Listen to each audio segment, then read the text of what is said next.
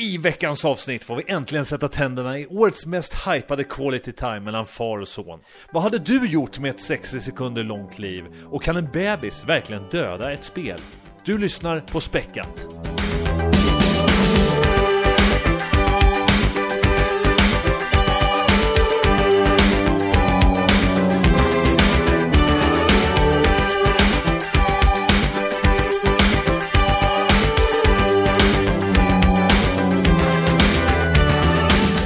Välkommen ska du vara till ännu ett avsnitt av Späckat. Avsnitt 54 så här i slutet på april månad.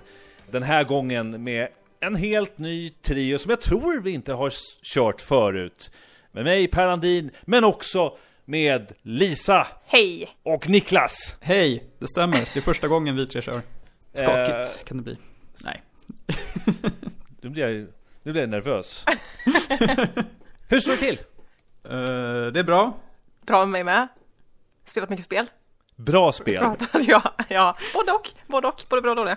Ja, vi har ju ett, ett minst sagt späckat schema Uff, nice. Eh, den, den här, det, det, det här avsnittet, för vi har, vi har spelat väldigt eh, aktuella spel, spännande spel, bra spel och en hel del intressanta nyheter faktiskt. Niklas, hur har din vecka sett ut? Jag nöjer mig liksom inte med bara att höra att det är bra. Nej, det var lite kul att du frågade där, för vi eh, i Stockholm då, där du och jag bor, där hade vi otroligt vackert väder. Det var väl den finaste dagen hittills eh, för en vecka sedan när det här avsnittet kommer ut, alltså förra fredagen. Vilket var sämsta tänkbara timing, för det var ju då God of War släpptes. ja.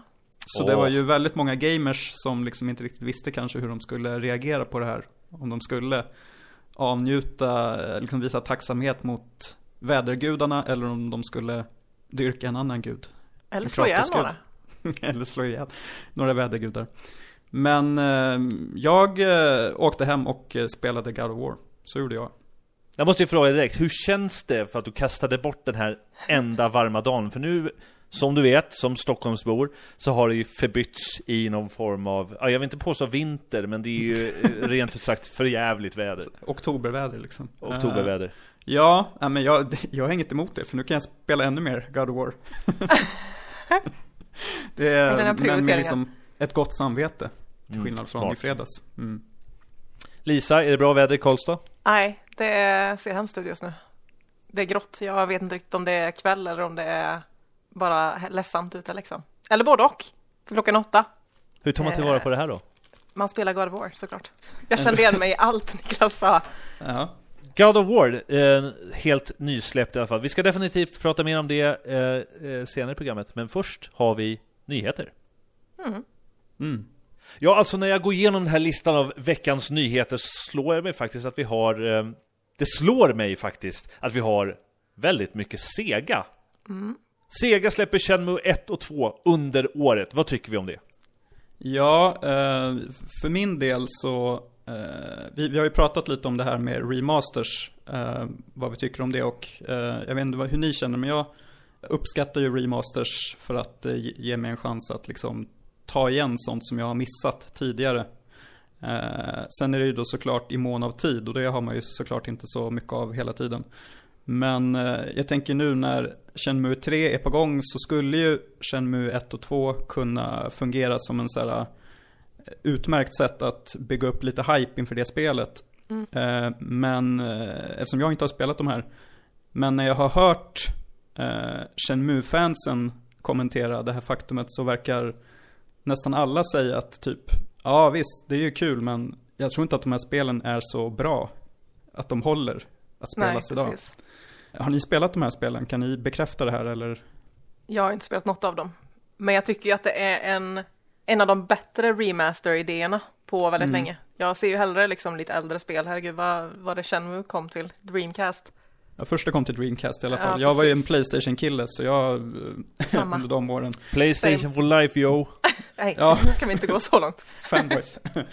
Men så Shenmue var ju ett sånt där liksom spel som man sneglade lite avundsjukt på och där och då så tyckte man att det lät helt otroligt. Det här till exempel att du, ja men hela det här att det var som en, ett, ett tidigt embryo till eh, open world, hela den biten liksom innan Grand Theft Auto. Att du kunde ta, Du kunde ta Precis. eh, eh, jobb, köra truck tror jag det var för att Mm. tjäna pengar.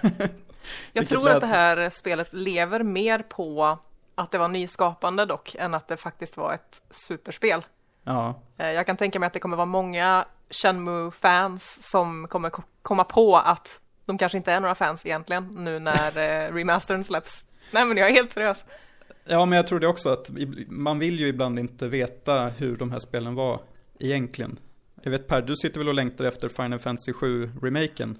Eh, Med eh, skräckblandad förtjusning skulle jag säga. Ja, det känns väl inte helt safe att Nej, det. och jag, jag tycker att en del av det, i alla fall med Final Fantasy 7, är ju att de tekniska begränsningarna gör, eller gjorde så att fansen inte förstod eh, utvecklarnas kreativa vision fullt så mycket som eh, det har senare visat sig. Jag tycker att till exempel Metroid är ett utmärkt exempel på det, vad man har trott sig ha en föreställning om Samus för att sedan se vad Samus eh, skapare har sett i karaktären som vissa andra kanske Ja. inte har sett.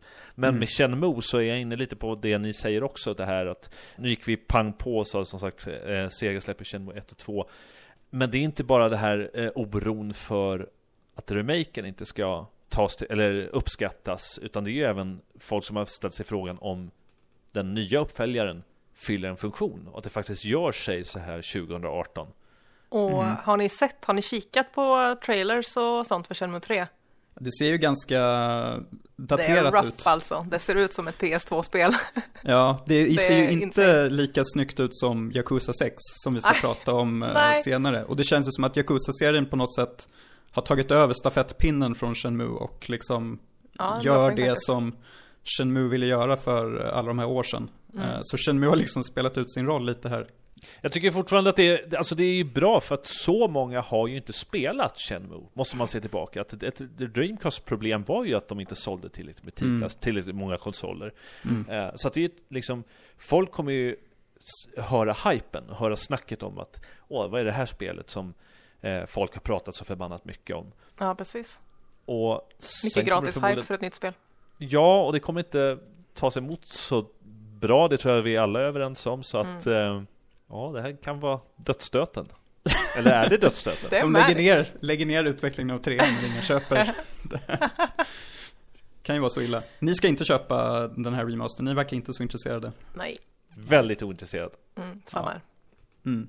Ja, det blir nog tyvärr samma för mig, även fast jag, jag, jag gillar att de gör det, men eh, det finns nog inte tid och ork, dessvärre. Mm. Då är ju förmodligen nästa nyhet betydligt mer intressant och betydligt eh, har betydligt större potential att faktiskt sälja bra. Sega har nämligen bestämt sig för att göra en Nintendo och släppa sin gamla konsol i form av Sega Mega Drive Mini. Och det här är alltså motsvarigheten till Nintendos Super Nintendo, eller hur? Ja, Nästan. Super Nintendo, ja precis. För Master System var väl deras första konsol. Jag, jag kan absolut ingenting om eh, Sega. jag Samma här. har in, inte ägt någon av deras konsoler. Men har ni upplevt konsolkriget en gång i tiden? Den hårda, Jag det hårda det kriget nu. Ja men på skolgården när man satt liksom och pratade Är du Nintendo? Är du Sega? Ja, li, till viss del så, eh, jag hade ju nästan bara Nintendo-kompisar. Jag umgicks inte med Sega, Sega-barn. Det var så illa. Ja, nej men jag kommer ihåg någon gång när jag var hemma hos någon kompis och läste, han hade den här tidningen Sega Force, tror jag den hette, alltså en svensk eh, speltidning. Och det stod, och det var så otroligt hård ton i, bland de, de skribenterna om man jämför med de mer så här snälla skribenterna som skrev för, eh, vad var det, Nintendo-magasinet eller ja, de mer Nintendo-fokuserade bitarna. Så att det, det var väl lite så att de skulle vara, ha mer attityd, precis som eh, Sega Sega-konsolerna och Sega-spelen. Eh, Sonic jämfört med Mario helt enkelt. Det svarar lite på den fråga som jag hade tänkt ställa hur, eh, hur du uppfattar Sega och det är din åsikt så att säga att Sega var den lite mer attitydbaserade konsolen Ja, precis så är det. Och sen så tog liksom eh, Sony Playstation över det och, och då fick Sega lägga ner sin konsolverksamhet. Det var väl lite så om man ska vara lite krass. Men eh, du Per som har eh, lite mer koll på den här eran har jag fått för mig. Är du peppad på den här idén?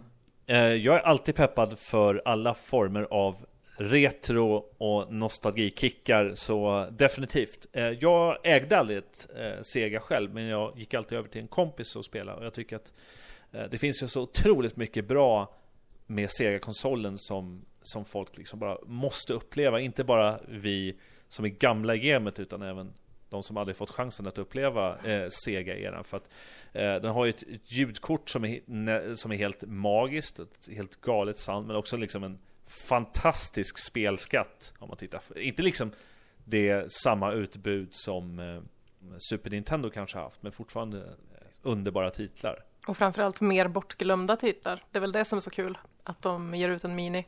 Nintendo har ju fått sin hype liksom. De har ju haft en konstant hype för sina minikonsoler. Precis. Och det är ju ingen som glömmer bort Mario. Nej, det är svårt att göra det. Det kommer nya spel hela tiden. Men vilka är de här liksom, mest legendariska titlarna då som bara inte får glömmas bort? Ja, de mest självklara är ju Sonic. Mm. Sonic the Hedgehog 2. Sonic och Knuckles. Mycket Sonic-spel. Golden, Golden Axe. Frågar du mig personligen så är Shining Force-serien är bland det bästa strategispel som jag eh, spelat någonsin.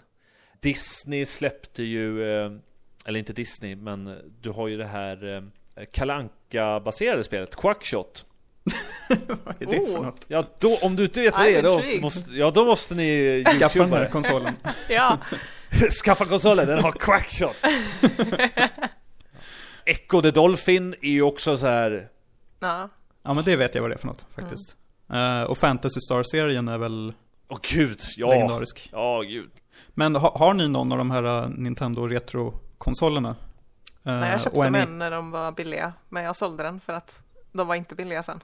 Jag var en sån elaking. Jaha, du var en av de här uh, som börshajarna som ja. gjorde vinst. vinst. Jag hatar dem också. Jag, liksom, jag, jag har blivit det jag hatar. Men hur, hur stor vinst gjorde du då? Nej, jag gjorde ingen stor vinst. Jag drog på en hundralapp.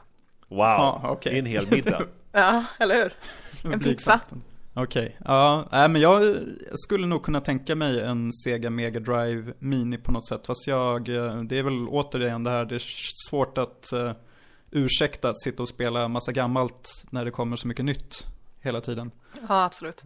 Men här finns det ju faktiskt lite fog för att uh, ta igen sånt som man har missat. Nintendo har ju koll på sen tidigare så.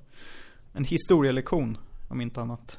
Framförallt så blir det intressant nu att se om Sega väljer att göra Nintendo även med liksom försäljningsstrategin att göra att eh, erbjuda ett väldigt begränsat sortiment till, till ett fåtal och hypa upp den här till skyarna. Mm. Eh, att sedan höja för nästa konsol. Vad blir det då de släpper? Eh, Saturn, Sega Saturn Mini. Eh, Dreamcast, också... oh, Dreamcast Mini. Dreamcast Mini. Jag vet ju att de släppte ju det där Sega Collection till, vad var det? 360 och PS3 kanske? Mm. Det var ju väldigt eh, generöst med titlar i den eh, boxen. Kanske ska köpa den då helt enkelt. Ja, precis. Spara lite stålar. det om det.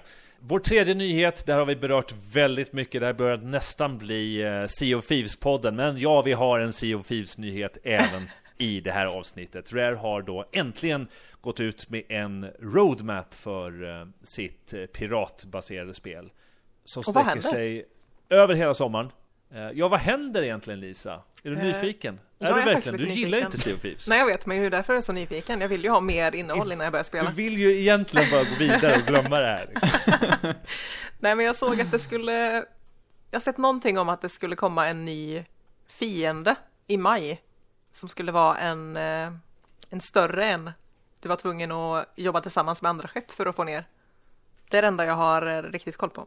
Ja, det som kommer i alla fall nu i maj, det är vad de kallar för The Hungering Deep. Och det är väl det du eh, pratar om också? Ja, det skulle jag tippa på. Ser vi ännu längre bort, de kommer ju också införa någonting som de kallar för Weekly Events, som jag tror handlar om då att de eh, vill att fler skepp ska eh, kunna jobba ihop eh, och inte bara kriga mot varandra. Till Summer kommer det de kallade för Cursed Sales, följt av Forsaken Shores och därefter så um, är vi ute på djupt vatten. Där vet vi inte riktigt vad som händer. Eh, men det verkar i alla fall som att de eh, planerar ganska mycket. För folk trodde att Rare inte skulle gå ut med något mer. Men nu verkar det i alla fall som de ska fokusera på Pets, Hideouts, Legendary Voyages med folk och som de säger, mycket mer. Den där ja.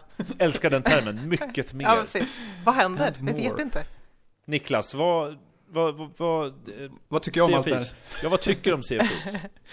Jag har inte spelat det. Jag, ehm, vi pratade faktiskt lite, jag och Tommy, om att vi skulle nu skaffa, eller i alla fall jag då, skaffa sånt här Xbox, eh, eller ja, Game Pass. Game Pass, press. Funkar ju till PC också, att man skulle spela i två veckor och sen eh, lägger man ner.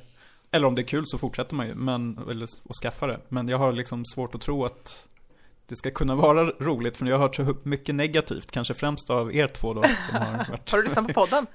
jag lyssnade på podden. Eh, nej, men ni har spett på mina fördomar lite om det här spelet. Att det eh, inte verkar finnas så mycket att göra och att det är lite så här No Man's Sea, alltså Mm. No Man's Sky då, fast på havet. Ja, det var en bra liknelse faktiskt. Eh, det har ju inte blivit bättre heller. Nej. Det, var ju, Nej. det är ju så himla motigt nu. Nu har det ju verkligen börjat bli extremt repetitivt. Jag tror att jag har nämnt det eh, tidigare, men jag är uppe på typ level 30 med de tre fraktioner som finns nu.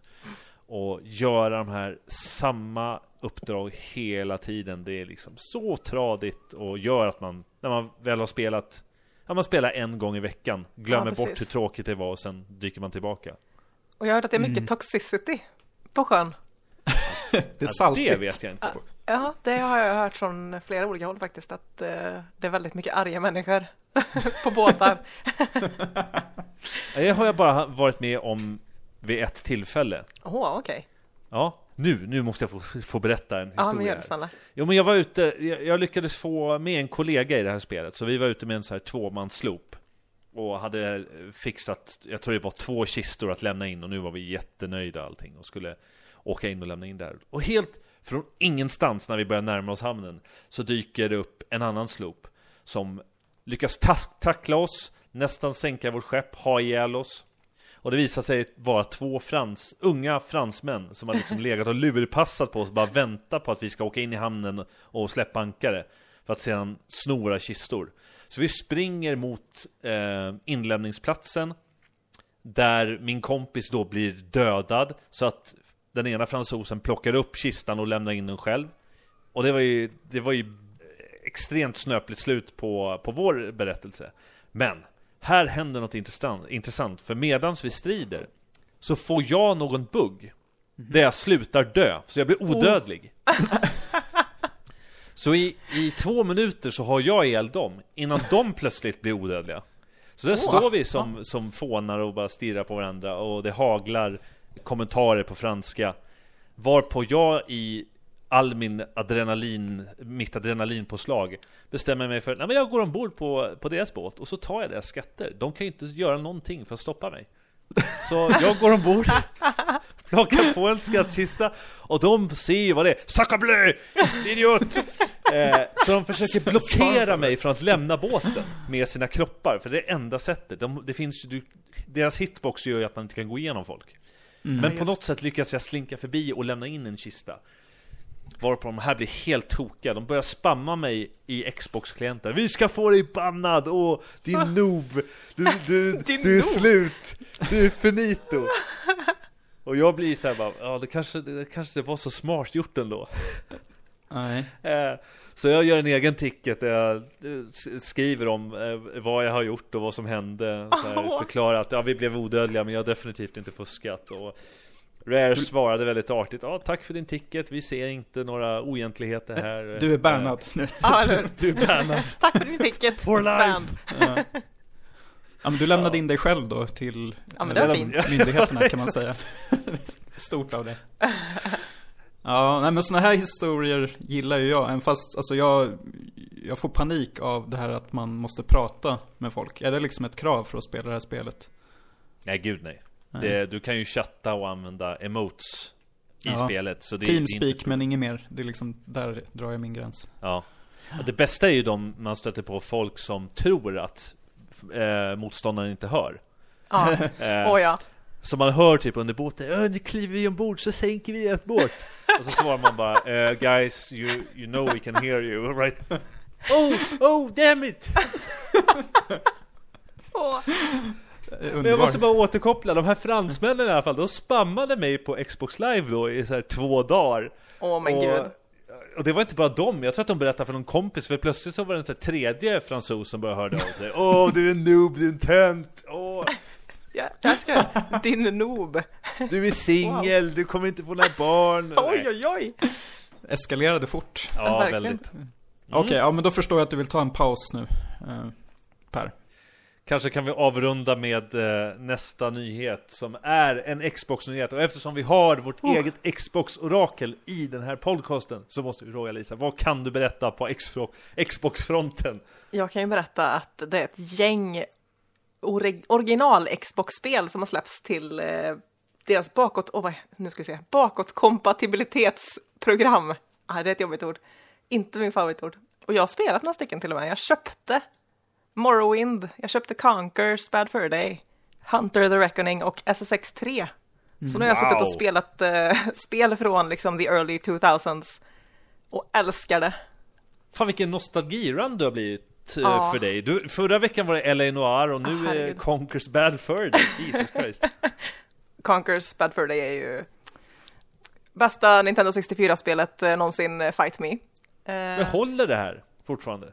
ja, det gör det nog faktiskt. Jag, jag gillar det som tusan. Däremot så kan jag säga att Hunter the Reckoning hade jag fått för mig var skitkul när jag hade det på GameCube. Det är inte så jättekul idag, kan jag ju påstå. Jag har aldrig hört talas om det här ens. Eh, Det är ett spel i World of Darkness, eh, om ni har hört talas om Vampire the Masquerade kanske? Jo, Oh, ja. men det har jag på Steam. Ja, men precis, i samma värld. Mhm. Så du springer omkring och dödar odöda och lite monster och lite gargoyler och jag hade fått för Det mig att det i- var jättekul, men Ja, det ser inte jättekul ut tycker det är jag inte jättekul. Eh, men däremot, Conquers Bad Fur Day, Morrowind och, och SSX 3 har jag ju spelat som en galning just nu. Men Morrowind måste ju vara svårt att gå tillbaka. Alltså det är ju eh, i Elder Scrolls-serien. Det är klankigt. När man redan har...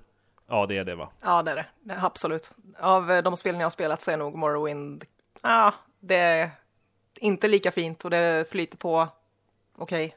Det är roligt om man liksom vill ha en liten Morrowind-fix liksom, men eh, de andra spelen har ju stått sig helt otroligt bra. Men Framförallt SSX 3. Det ser ju helt fantastiskt ut fortfarande. Det är snowboardspelet. Ja, precis. Precis Ja, det vill jag minnas var superroligt. Ja, det är, åh jag saknar de spelen så mycket. Jättemycket verkligen. Jag spelade ju det, de rebootade ju SSX, vad var det, 2012 kanske?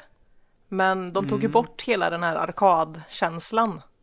Det var liksom ingen personlighet överhuvudtaget. Och det saknar jag jättemycket. Jag har ju kvar min Playstation 2 just för att kunna spela SSX 3.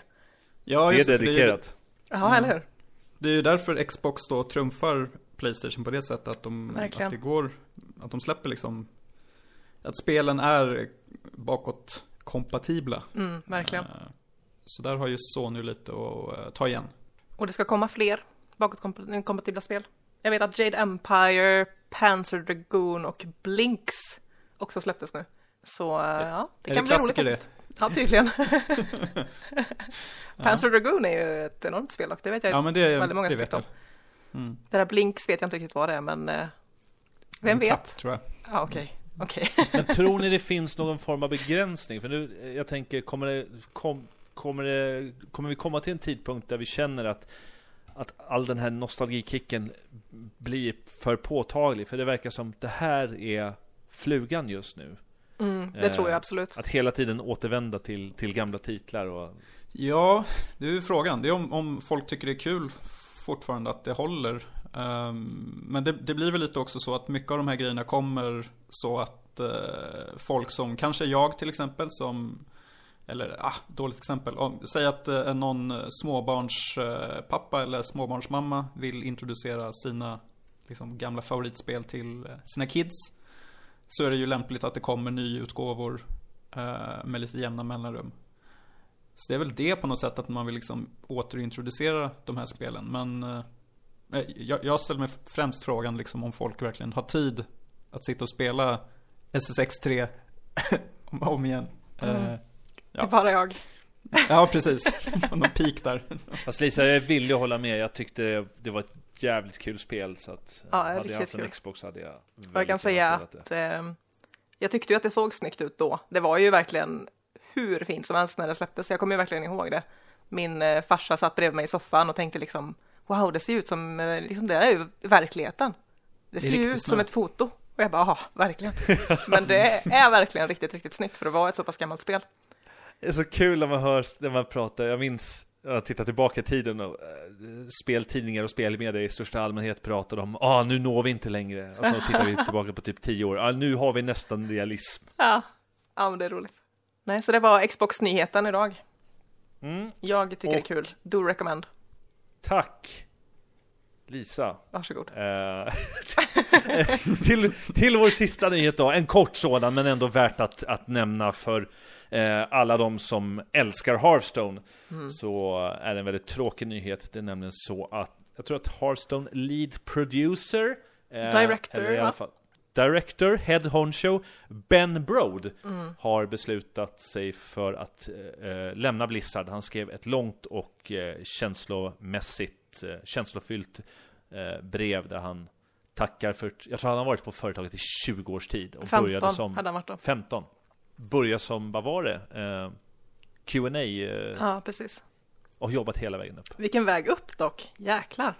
Känd som, som en väldigt bufflig och hö högt skrattande person som eh, då och då har släppt eh, rapvideos om, eh, om Hearthstone.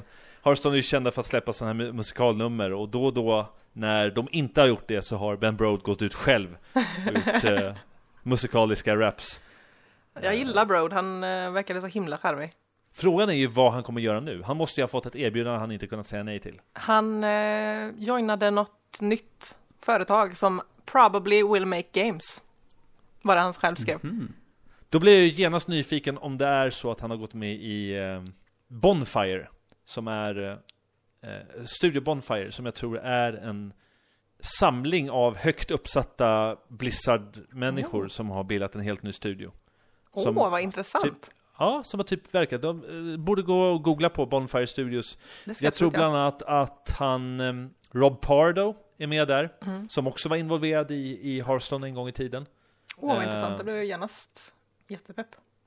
Blizzard är han inte kvar på i alla fall. Det var slutsatsen.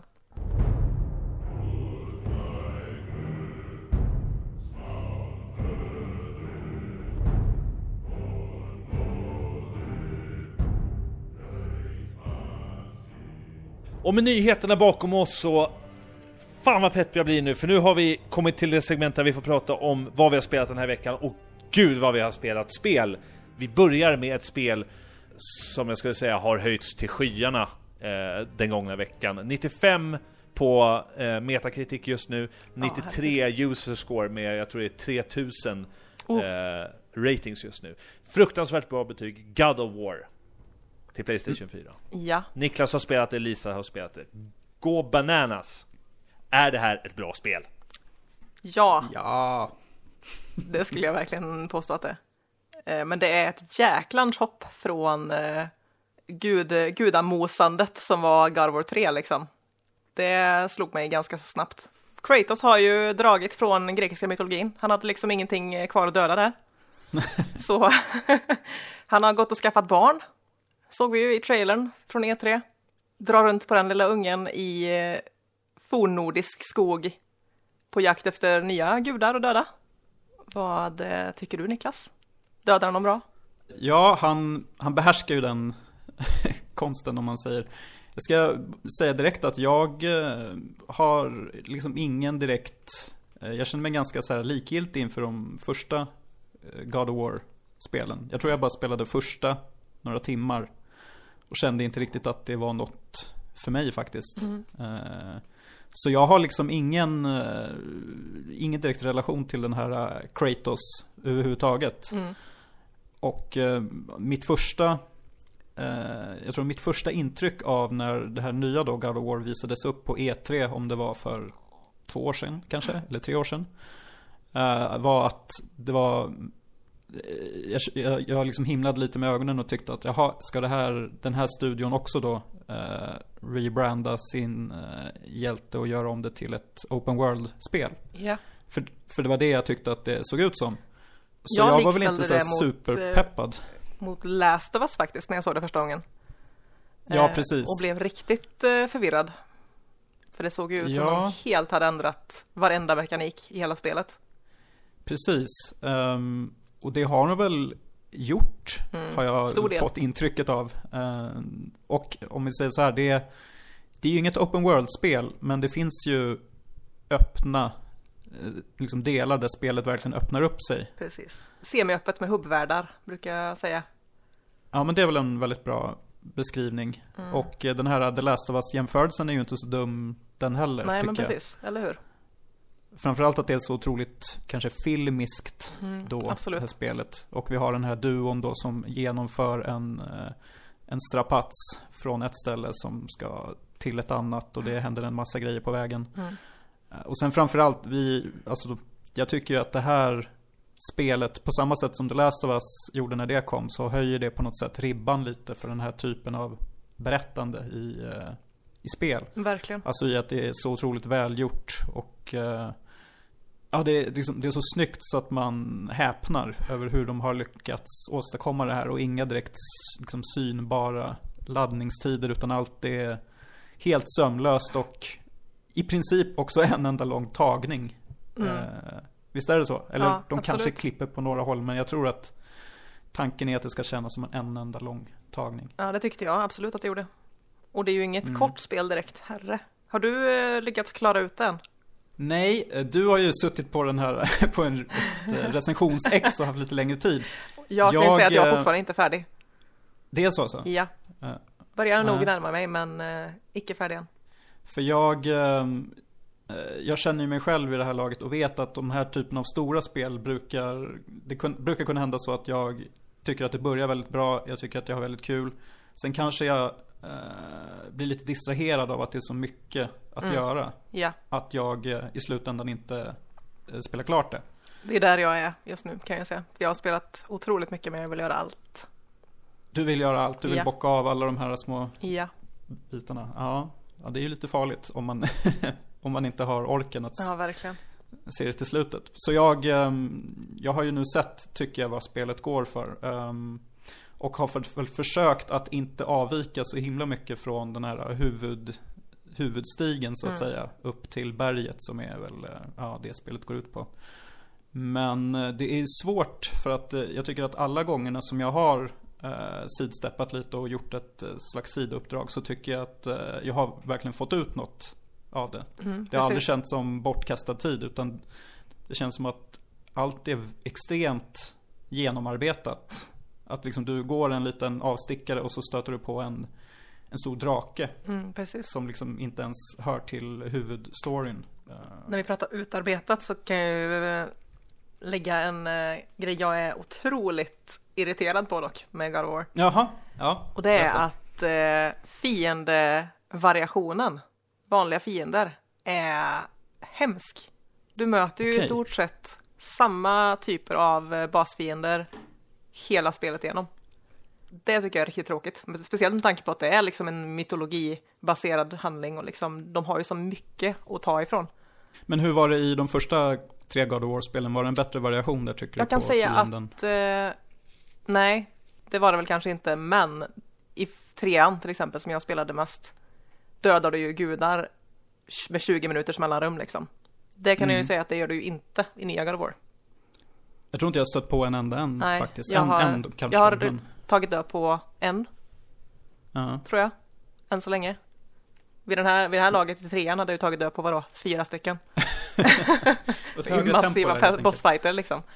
Så jag, eh, jag vill, vill ha mer. Jag vill ha liksom mer storslagna fighter med jämnare mellanrum.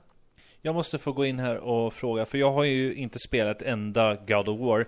Och när jag ser betyget så häpnar jag såklart att folk pratar om en ny törn och att man inte behövt eh, spela de andra för att, för att plocka upp det här. Ja. Men jag fortfarande ser inte liksom vad som är den konkreta storheten. Är berättelsen i sig så pass stark och välskriven? Eller vad Jag skulle säga ni att får... berättandet är Mm. riktigt, riktigt bra. Eh, och framförallt relationen mellan Kratos och hans son. Hur den ändras eh, genom hela resan. Det är väl, om jag ska vara helt ärlig, 8 av 10 poäng i enbart Mm. den relationen. Det är lite Precis, att samma det- sak som Last of Us där, liksom. Det är, du blir så himla invested i deras relation och hur den ändras. Ja, jag tycker det känns väldigt så här, på något sätt nyanserat i berättandet. Verkligen. Alltså det är liksom små, små grejer som de eh, lägger in som eh, verkligen gör väldigt mycket. Mm. Det är, ja, det är alltså finstämt och storslaget om vartannat. Och eh, jag, jag kanske kommer att hålla med dig angående fiendedesignen, att den kanske är lite upprepande. Dock är jag väldigt, eh, eh, eller jag har väldigt kul med själva stridssystemet. Att Absolut. försöka att bemästra det. För i början tyckte jag att det räckte ganska bra med att bara hamra på med Mm. slagknappen. Men sen allt eftersom så tycker jag att det blir Ja, eller det känns som mer och mer viktigt då såklart att lära sig hela Hela hans utbud av liksom attacker och försvar och Verkligen. eh, Jag kände dock och- att och eh, väldigt- kasta yxa känner jag gör mest. Ja, det är ju, man kan ju ibland fega ganska mycket och hålla Ja, sig på avstånd. det är min För han grej. har ju den här, Lev den här Leviathan-yxan, det är ju också en av spelets liksom höjdpunkter. Eh, känslan i att kasta iväg den där yxan och sen bara ta tillbaks den. Få tillbaks den i handen är helt otrolig. Verkligen. Men sen också liksom i närstrid att, att lyckas parera ett slag, och tajma det helt rätt och sen gå till motattack. Och lära sig när och var liksom de här specialattackerna ska användas. Och du använder ju din son också i striderna. Han känns ju som att han liksom fyller ett syfte, inte bara är där som någon sorts liksom, något bollplank Mm. åt Kratos. Utan att han... eh, han det är ju ovanligt. Liksom en, Det är ju otroligt ovanligt att man faktiskt inte känner sig pulled back av sin kompanjon liksom. Det händer ju i, i tid och tid. Men hur funkar det här fallet? Är den NPC-kontrollerad eller skriptat på något sätt för eh, specifika strider han ska dyka upp eller? alltså han är ju med hela tiden. Och du kan Eh, markera. Eh, Precis, du kan ju säga åt honom skjuta. vad han ska göra. Så det är mer en förlängning av en själv Ja. än att det är en eh, NPC, eh, att den är kontrollerad av en av datorn så att säga. Både och skulle jag säga också. Du kan ju välja att inte använda någonting. Då hjälper han dig ju bara som han vill. Precis. Men han förstör ju aldrig någonting som liksom många NPCer gör annars liksom. Mm. Att, alltså, saboterar av misstag. Utan han är... Ja, han gör bra ifrån sig i striderna. Tycker jag. Finns det mer att säga? Eh, per, du har ju... Du har ju inget Playstation 4. Ja, jag har ju inte Rub it det. in. Rub it in. Jag kan Vattnas, titta på vattnas Let's det i munnen på dig när, när vi pratar om det här? Alltså det Eller- vattnas ju i munnen enbart för att jag vet att, att det här är någonting som man måste spela för att f- överhuvudtaget få vara med i en Goti 2018 diskussion. Så är det ju faktiskt. Så jag blir mer stressad ärligt talat att, att gå miste om något stort som alla pratar om. Och sen så tycker jag att det är kul alla, alla vad heter han, Aphrius, eh, Kratos memes som har börjat poppa upp där de har någon form av dialog. Han säger oh boy. eh, jag, jag förstår inte kontexten men Åh, det är nej. jättekul i alla fall.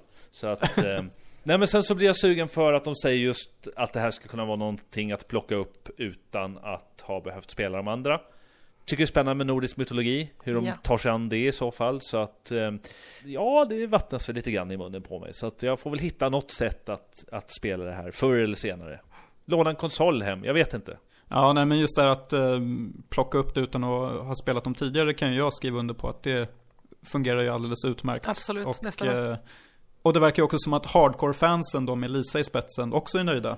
Så det är någon typ av, de har hittat någon gyllene medelväg där att blidka de gamla fansen Mm. och locka till sig nykomlingar. Ja, det är riktigt taffligt faktiskt. Det är stort att de ändå, för de har ju ändå ändrat så mycket. Det brukar ju bli sura miner om du ändrar för mycket i en i ett winning concept, so to speak.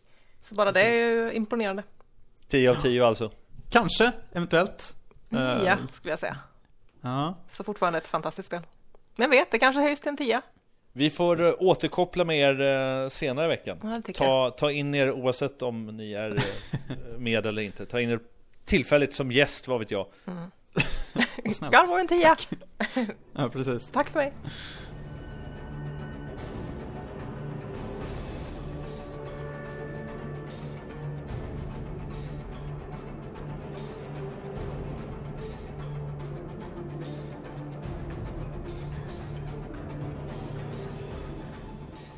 Ja, från eh, stora AAA-titlar till ett lite mindre men absolut inte dåligt spel utvecklat av eh, indiebaserade Red Hook Studios. Jag, eller Per, har spelat Darkest Dungeon, detta fantastiska eh, Dungeon Crawler-spel i RPG-miljö och eh, eh, Per, Vad är det du har spelat? Jo, det ska jag tala om för dig Per Först och främst eh, Niklas och Lisa, har ni spelat Darkest Dungeon? Nej, men jag har sett på när folk har spelat det. Om det är det där de står i strid, står bakom varann och kastar spells på varann. Mm, de står på led Ja, men precis. Ja. Vet vad det är. Ja, jag började spela någon timme. Jag vet inte riktigt vad som inte klickade där på en gång. Jag tyckte det, eh, eller jag, jag blev rekommenderad att spela det för att det skulle vara liksom väldigt svårt. Alltså typ på samma sätt som att XCOM-spelen är svåra. Jag tyckte det var lite förvirrande som nykomling att förstå vad allting innebar. Jag, jag tyckte att XCOM gjorde ett mycket bättre, liksom, liksom fick in nykomlingar bättre än vad det här spelet gjorde. mm, Om man nu ens kan jämföra dem. Jag vet inte vad du tycker Per.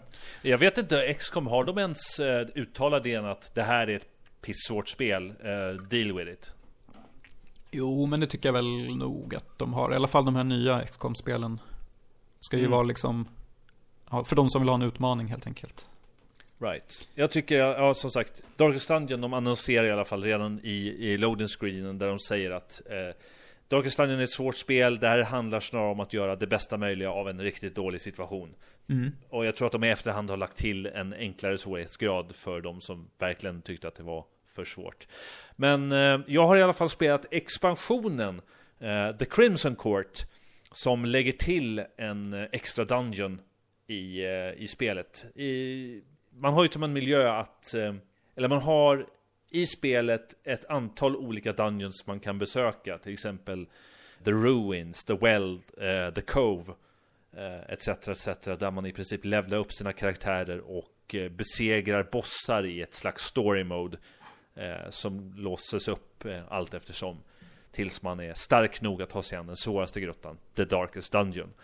Och The Crimson Court bryter lite mot den tidigare strukturen där man i princip Medan de andra grottorna är ofta slumpgenererade och slumpas fram om man kommer stöta på eh, en boss eller inte Så är The Crimson Court väldigt eh, Eller till viss del skriptad det vill säga att det blir som ett äventyr i sig själv att man alltid går eh, När man väljer det så finns det alltid en Så att säga linjär väg för vad som kommer hända eh, Och vad som händer utanför Det är så svårt att bes- beskriva för, för de som inte är, är insatta inte fattar någonting. Ja precis Som jag. Och jag. Det enda jag kan säga det är, det är, det är skitkul. De, de har verkligen gjort ett svårt spel ännu svårare. Det här man kan säga att Crimson Court fokuserar på vampyrinsekter. Vilket låter... eh, Okej. jag vet inte om det är en unik take på mörk fantasy-genre, men eh, hur som haver, man ska ha ihjäl massa vampyrsugande insekter och det som är så hemskt med de här insekterna det är att, man kan, att de kan eh, smitta ens karaktärer med en disease som jag tror heter The Crimson Plague eller något liknande. Och det här är hemskt att eh, hantera för att när en karaktär väl har smittats med eh, den här sjukan så måste man hela tiden underhålla det med blod. Man måste hitta blod. Eh, Mhm. Och det är, det är jättesvårt. Lyckas man inte med det så går ens karaktär och dör.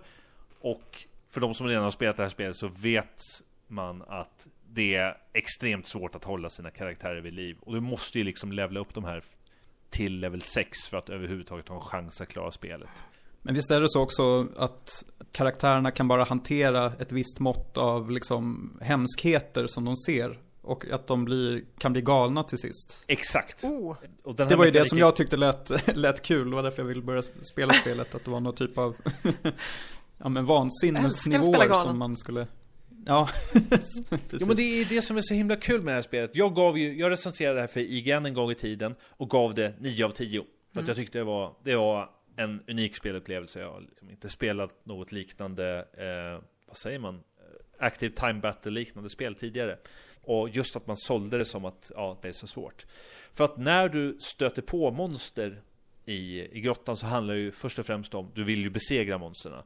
Men det är alltid en kamp mot klockan för att monsterna slår alltid extremt hårt. Så säg att du har en healer med ditt party. Så kommer du aldrig kunna out-heala en motståndare. Så det handlar ju hela tiden om att försöka eh, risk och skademinimera situationen. Samtidigt Mm. som du bollar både hälsa och att försöka hålla dina kar- karaktärer från att drivas till vansinne i det som de kallar för stressmätare. Och det här kan ju leda till alla möjliga, möjliga olika saker. Så som till exempel, når du viss antal, en, en viss stressnivå, så dör du utav en hjärtattack. Fan. Eller så får du olika typer av negativa Tempting. quirks. Eh, Med The Crimson Court så kommer också ett par eh, nya klasser som jag har prövat. Jag tror en heter Shield Maiden. En annan heter, eh, kan det vara The Flayer? Han gillar att tortera sig själv och slå folk med eh, spikvassa morgonstjärnor. Jag ska inte gå in, gå in på detaljer i alla fall. Det är ett superkul spel. Jag hade glömt bort eh, hur bra det var och så vitt jag förstår så håller de även på med ett, eh, ännu ett DLC. Så att det här har tydligen funkat väldigt bra. Eh, Kul. Det är på rea nu på Steam tror jag. Så jag rekommenderar starkt och varmt att pröva på det här för alla som gillar typ Eh, svåra spel och lite RPG-influerade spel i lite lätt fantasymiljö. Jag har det som sagt till Playstation 4 så jag kanske bara tar upp det igen helt enkelt.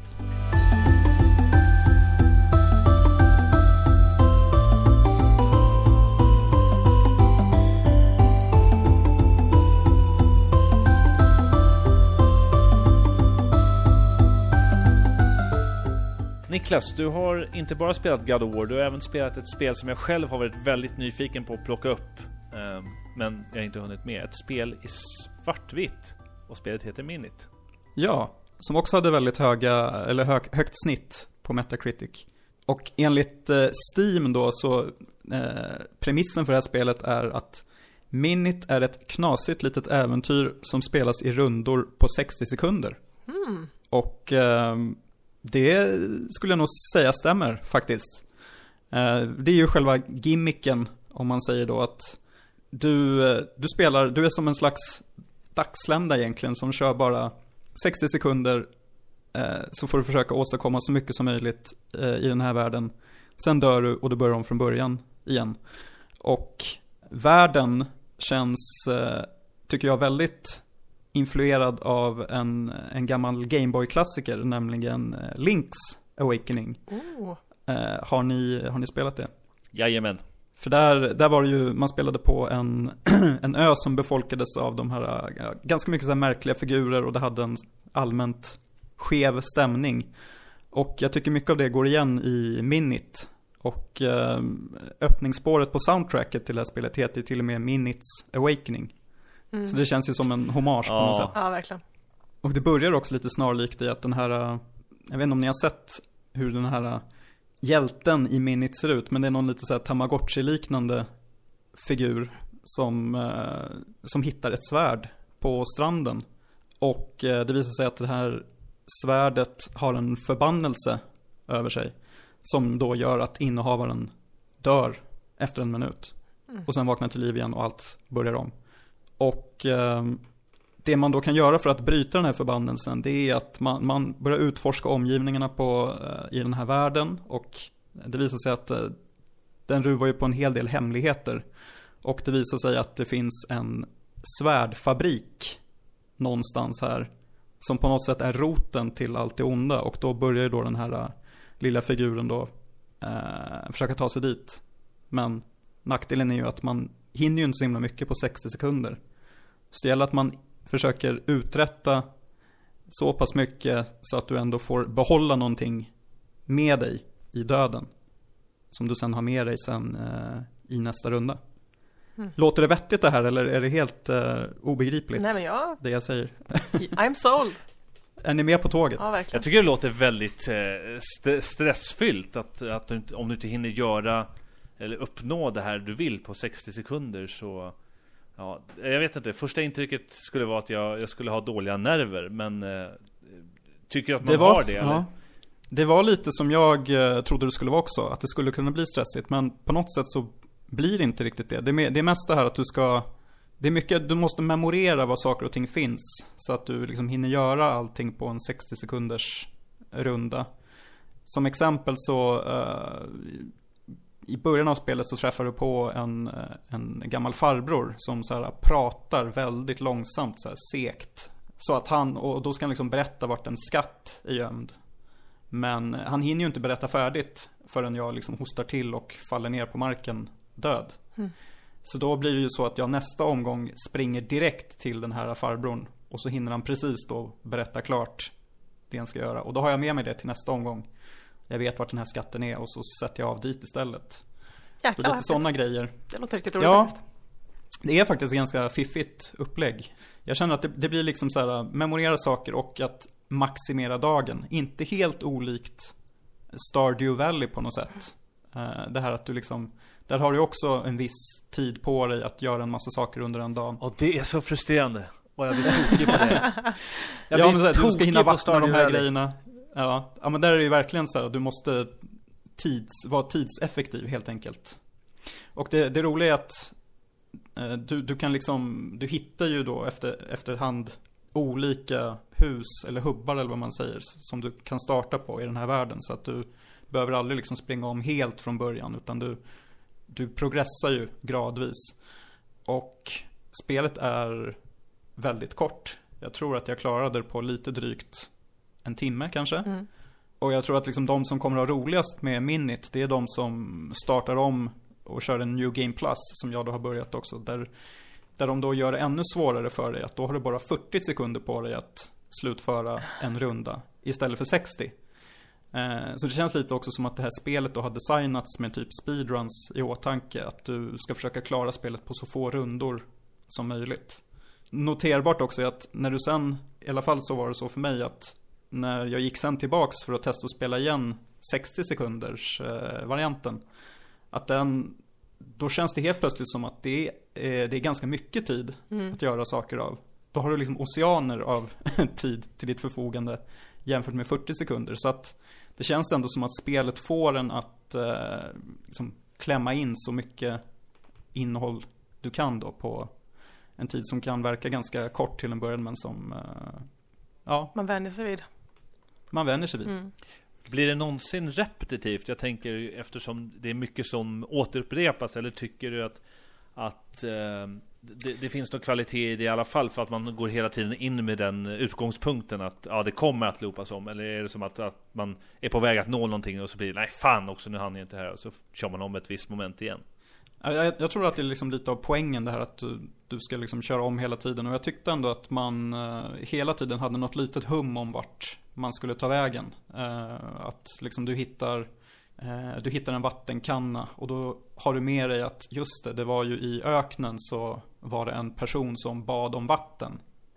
Och då, då, då är lite det här liksom nästan det här gamla peka och klicka grejen att okej, den vattenkannan använde jag på den här gubben i eh, i öknen och den gubben kan bygga en båt till mig som kan ta mig vidare till nästa och allt liksom är, hänger ihop på något sätt. Är utgångspunkten jag alltid att du börjar på stranden med svärdet? Ja, du börjar, eh, spelet börjar med att du vaknar i din lilla hydda, du går och hämtar svärdet och så drabbas du av förbannelsen. Men sen så vaknar du alltid då i ditt hus tills du har hittat ett nytt hus lite längre djupare in i världen och så kan du börja där istället. Så att du hoppar lite fram och tillbaks i den här världen eh, beroende på vart du ska utforska. Så jag tyckte inte att det kändes som att det var eh, upprepande, eller det var ju upprepande men på ett bra sätt. På något sätt. På, ja. Det var hela poängen med spelet, känns det som. Och det här är inte särskilt dyrt heller, det är väl bara en hundralapp på Steam? Exakt. Så det är lika billigt som Darkest Dungeon. Om man vill. En krona per minuten spelad. Ja, Det är väl helt okej? Det, är väl helt okej. Det är väl bra värde för pengarna. Det tycker jag. Ja, med tre spel bakom oss så har vi också det fjärde men absolut inte det sämsta. Ett det relativt nysläppta Yakuza 6. Jag också. Eh, också ett spel som väckte... Det, det är så pinsamt. Man tittar på den här listan och bara, det här är spel som inte jag har spelat. Men det är tur att någon här har spelat Yakuza 6 i alla fall och kan berätta hur bra det här spelet är. Jag kan säga, jag har spelat det men eh, jag har inte så mycket att säga om det. Jag kan säga att eh, jag nog blev anti första halvtimmen. Jag Varför då? är ju otroligt, eh, jag har inget tålamod överhuvudtaget, överhuvudtaget. Kommer det för långa cutscenes så blir jag liksom, ja, tittar ut genom fönstret, petar mina naglar, tar, hämtar ett glas vatten. Och eh, första, jag vet inte ens om det var så länge, men det kändes som att första 30 minuterna bara var cutscenes. Ja, Så jag till slut så slutade jag pay attention och hittade på lite andra grejer. Pratade med några när jag slogs med någon, jag vet inte riktigt vem det var eller varför jag slogs. Eh, så jag, eh, inte ett spel för mig kan jag säga. Om vi backar bandet lite grann för de som helt saknar kontext. Vad exakt är Yakuza för en oinsatte? Ja, jag ju, har ju ungefär lika mycket koll som Lisa Oh, på den här serien. nice. Men jag vet i alla fall att den är eh, väldigt populär. Har kommit i många delar. Eh, och att den, eh, alla delarna har i huvudrollen den här, eh, ja vad, he, vad är han heter nu, hjälten? Han heter Kazuma Kirui, hur den uttalas. Mm. Ehm, och eh, det här ska då vara det sista spelet som liksom med honom som knyter ihop hela den storyn. Så det finns väl antagligen då mycket att berätta till och att återknyta till från tidigare spel. Misstänker jag. Mm. Men jag är lite som du Lisa. Jag, eh, direkt när de här långa dialogerna dyker upp så då är det liksom upp med telefon, Ja, mobiltelefonen exakt. och kolla vad, vad händer på Twitter eller någonting sånt där. Ja. Det är ju, det, de är väldigt långa, det, det är ganska sällan som det sägs något intressant Ja, i dem. och det är ju inte interaktivt heller, du sitter ju bara och tittar. Ja, alltså de, de får ju liksom Hideo Kojimas Metal Gear-manus att känna sig korta och koncisa i jämförelse. Där händer i alla fall någonting, men här sitter de liksom i någon bar och snackar om, Mm. om ditten och datten och någon, någon gubbe som jag inte har någon koll på. Eh, men ha- handlingen i korthet är, är väl i alla fall att eh, den här uh, Kiroi då, han kommer ut från fängelset där han har suttit i tre år och, och sen ska han liksom, ja, vi, har, vi pratade ju i och för sig om det här för några avsnitt sen, men han ska i alla fall spåra upp sin är det, adoptivdotter eller någonting. Mm. Och på vägen så hamnar han i bråk med diverse klanmedlemmar, ja, Yakuzan och sen liksom är det The Triads och liksom hela, ja, hela spektrat av eh, asiatiska gangsters. Och på vägen så, han, han har ju liksom en förmåga att hamna i, folk, äh, hamna i bråk med liksom löst folk också. Så han så här, äh, spöar ju alkisar och typ så här äh, busgäng som kommer förbi så här. Det, det är ofta, ofta är det att det är liksom en lång dialog, och så slutar det med att hjälten då måste använda knytnävarna för att eh, liksom lära dem en läxa, känns det som. Och i bakgrunden så finns det då en, en handling som jag eh, inte är så superinvesterad i, kan jag känna. Det kan ju Ehm, också ha med att göra att spelet har x antal föregångare. Precis. Så om man är liksom, är man ett stort fan av den här serien så plockar man säkert upp otroligt mycket som, eh, som går mig över huvudet. Alltså det finns ju liksom möjligheter att läsa på innan i spelet också vad som har hänt men jag känner att, ja, jag vet inte.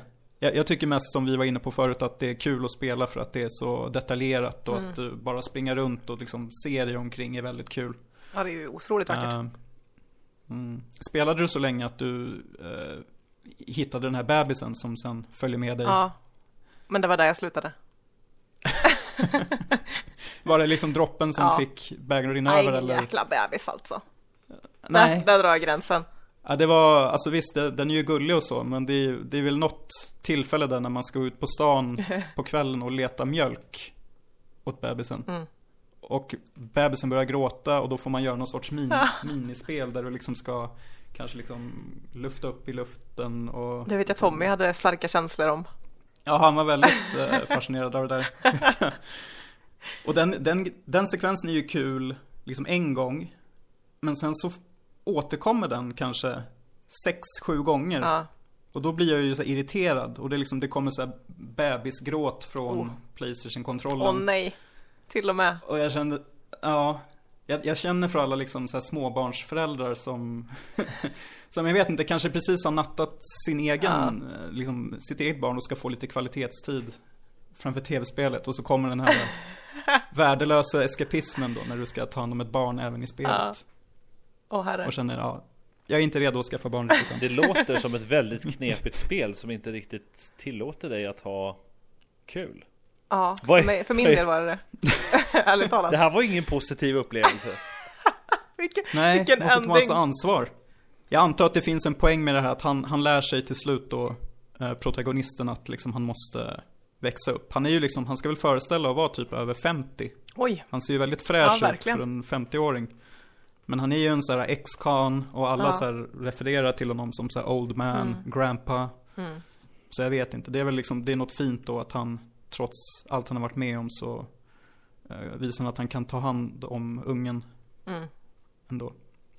Men det är ju, alltså det, det finns, den har ju sin, sin charm liksom spelet med, som sagt alla de här att man kan gå in i en arkadhall och spela Shenmue höll jag på att säga. Det, det tror jag kanske inte man kan spela, men typ Virtua Fighter och lite andra så här klassiker. Sjunga karaoke vet jag att man kan göra. Det kan man göra, Mm. precis. Det är det. Sådana saker är ju kul, de här minispelen. Och liksom en sån här detalj att man kan, man kan gå och dricka alkohol. Eh, Men då, är det, då får man passa sig att för det, det ökar risken att liksom du hamnar i bråk med främlingar Ah. på stan. Så det är precis som i verkligheten. så, så vissa detaljer prickar de ju in, Ja. Eh, onekligen. Är det här Och ett sen har vi då- japanskt God of War tänker jag på? Ta hand om ett barn och... Ja, eller hur? Ja, det är lite så. Har ett väldigt invecklat stridssystem? Nej, det vet jag inte om jag tycker. Det, det är mest, det, det blir som ett beat em up i Mm. de här slagsmålscenerna. Att du, men jag sitter bara och hamrar på Jag med. knapparna. Me Och det är too. liksom inte så väl koreograferat. Du så flyger cyklar in och liksom, koner och hela det.